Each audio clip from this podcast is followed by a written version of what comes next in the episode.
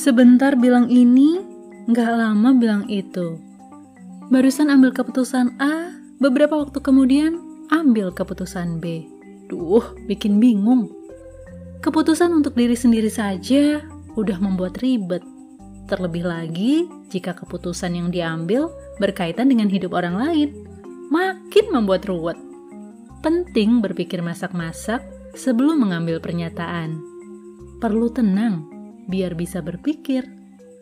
Keputusan beda dengan perasaan, sebab perasaan mudah sekali berubah-ubah sesuai suasana hati kita. Pikirkan satu tujuan, jangan dua atau bahkan lebih, sebab yang mendua hati tidak akan tenang hidupnya.